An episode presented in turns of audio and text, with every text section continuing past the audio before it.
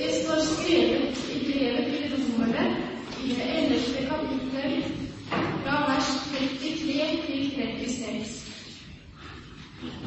For o av rikdom og visdom og kunnskap hos Gud, hvor uransakelige hans dommer er, og hvor usporlige hans veier. For hvem kjente Herrens sinn? Eller var hans rådgiver? Eller hvem gav han noe først, så han skulle få vederlag igjen? For av ham og ved ham og til ham er alle ting. Ham være æren i evighet. Amen. Slik lyder Herrens ord.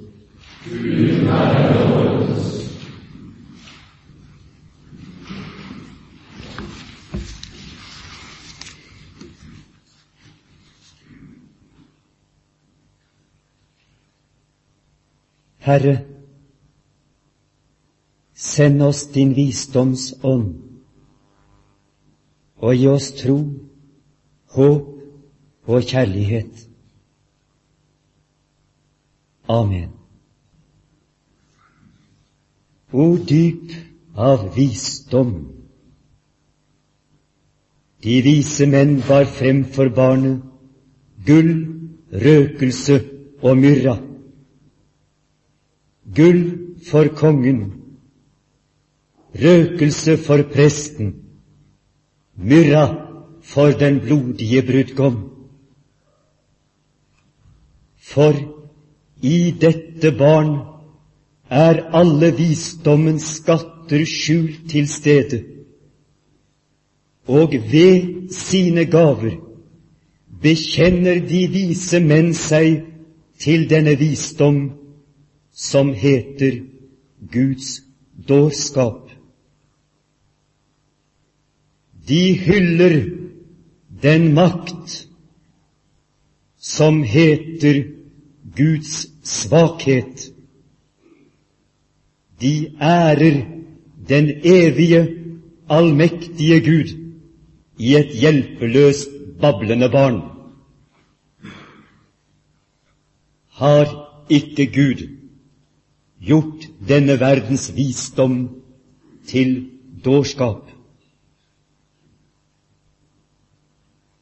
De vise menn går i barndommen,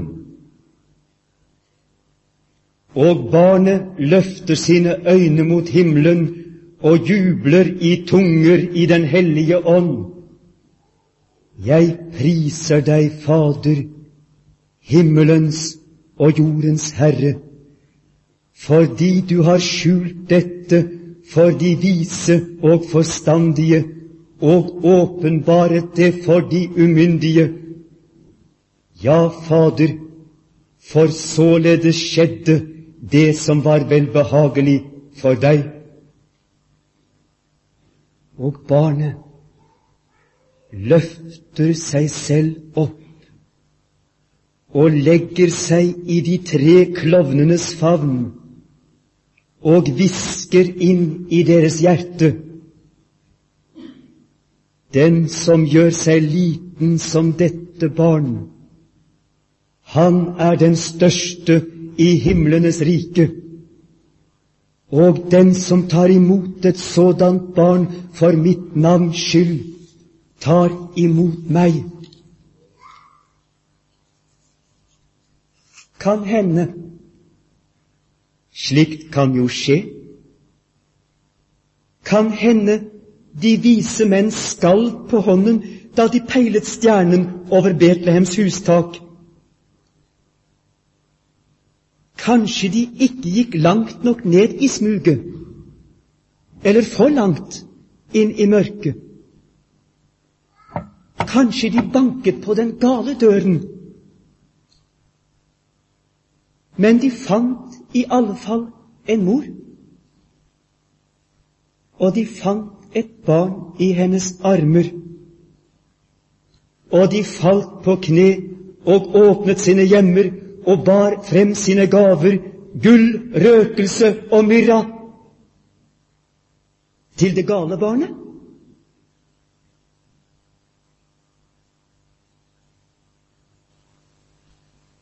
Kan et slikt lite barn noensinne være det gale barnet? Gudsbarnet har jo bemyndiget hvert lite menneskebarn til å være stand-in for seg selv. Kunne noen si til de vise menn Stans! Eh, dette barnet er en misforståelse! Kan et slikt lite barn noensinne være en misforståelse? Selv om det skulle vise seg at barnet het Lasarus og ikke Jesus, så var de vise menns tilbedelse allikevel intet narrespill, men et velbehagelig offer for ham som har gjort seg til ett med alle barn fra unnfangelsen i mors liv. For den som tar imot et sådant barn for mitt navns skyld, tar imot meg. Og da Herodes noen dager senere sendte sine soldater til Betlehem for å drepe de små barna, da lille Lasarus ble kløvet av statsmaktens sverd. Var det da ikke Jesus som ble drept? Er ikke hvert lite barn en rival til selvbestemmelsens og selvrealiseringens krone og trone?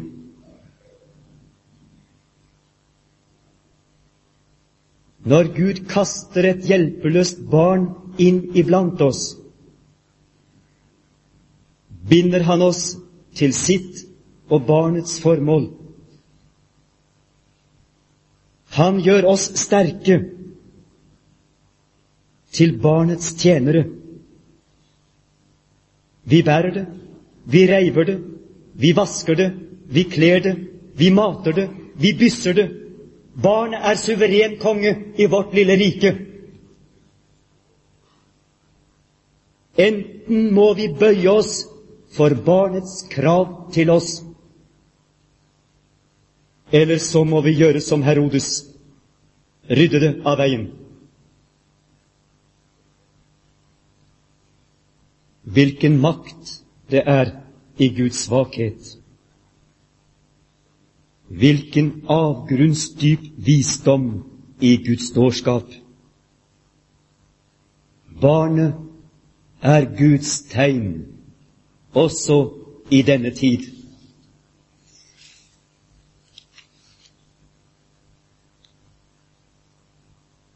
Profeten Johannes, botens brennende engel, han var selv bare et foster i sin mors mage da han danset av fryd for Herrens åsyn. Danset for den Herre som spilte fløyte for ham fra sin trone i Marias mave. En bitte, bitte liten pikkolo, et nyunnfanget barn. Herren.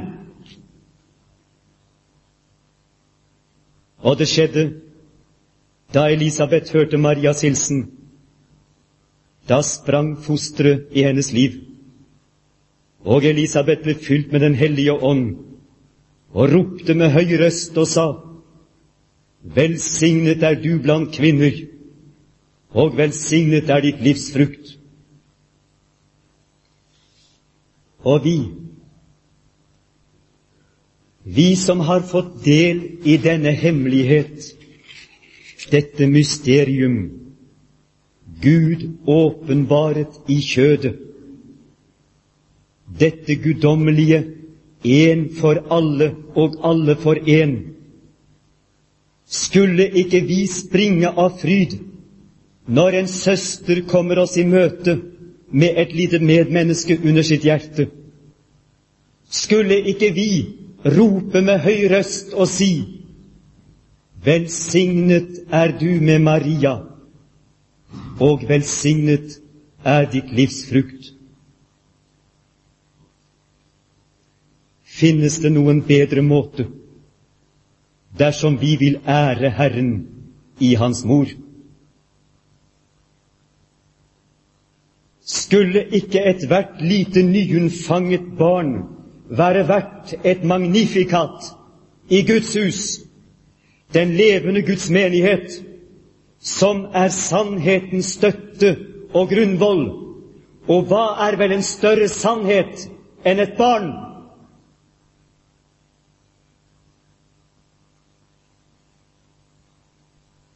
Hva er vår gudsdyrkelse verd? Hvis det ikke fra alle våre kirketårn, når vi synger dette magnifikat, drønner over landet Gud er ikke død, la barnet leve.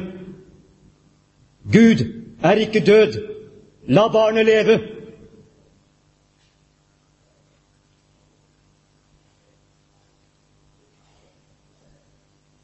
Disse hvitkledde medisinmenn, disse akademiske hekser, som sliter og suger Guds bilde i stumper og stykker ut av mors liv. Er de ikke den gamle Baals eller Moloks prester og prestinner som feirer den verslige visdoms og styrkes triumf over Guds dårskap og svakhet?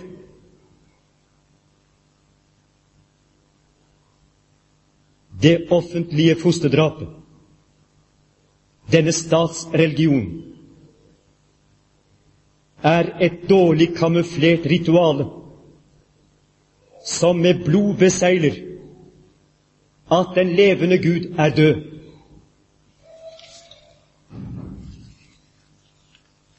Finnes det noe sterkere, mer rystende, mer bindende og overbevisende ritual enn det blodige barneofferet Hva har vi å stille opp mot det? Vi bryter et tynt lite brød. De myrder et barn.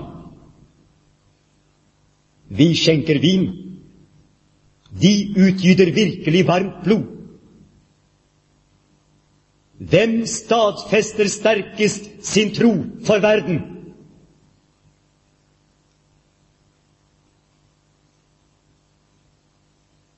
Abortklinikken er velferdssamfunnets innerste, helligste krypt.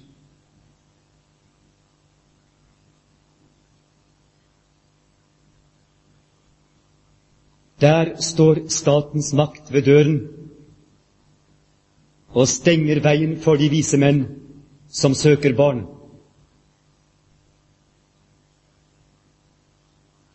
Betlehems porter stenges når drapet begynner. Men i Jerusalem sitter Herodes og hygger seg med sine skriftlærde og taler om sist han var på kirkevei. De har allerede fått sin lønn.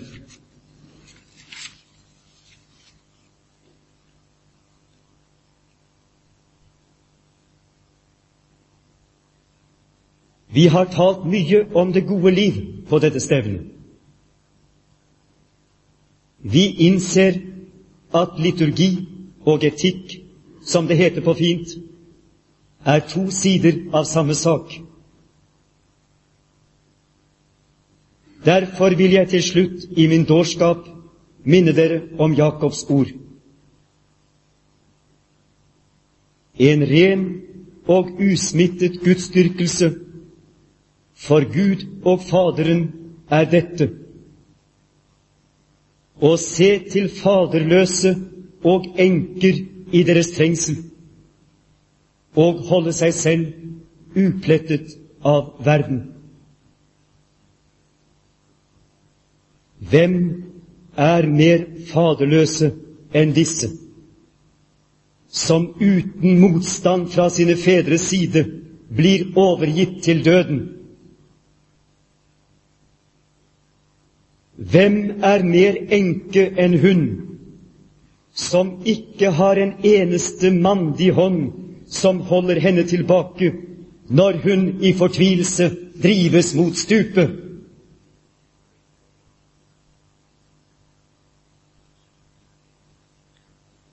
Det står også i natt en stjerne over jordmor Mattias perverterte hus. Det står en stjerne, en ørliten stjerne, over hver gynekologisk avdeling i dette land. Den står der og venter på vise menn. Blir de flere enn tre? De står der og venter på de salige kvinner. For da hun hørte de livssalige ord som kom fra hans munn, da ropte hun til ham, Salig er det liv som bar deg, og de bryster du diet. Og han svarte, Ja, salig er den som hører Guds ord og bevarer det. Ære være Faderen og Sønnen og Den hellige ånd, som var og er og blir en sann Gud, fra evighet og til evighet. Amen.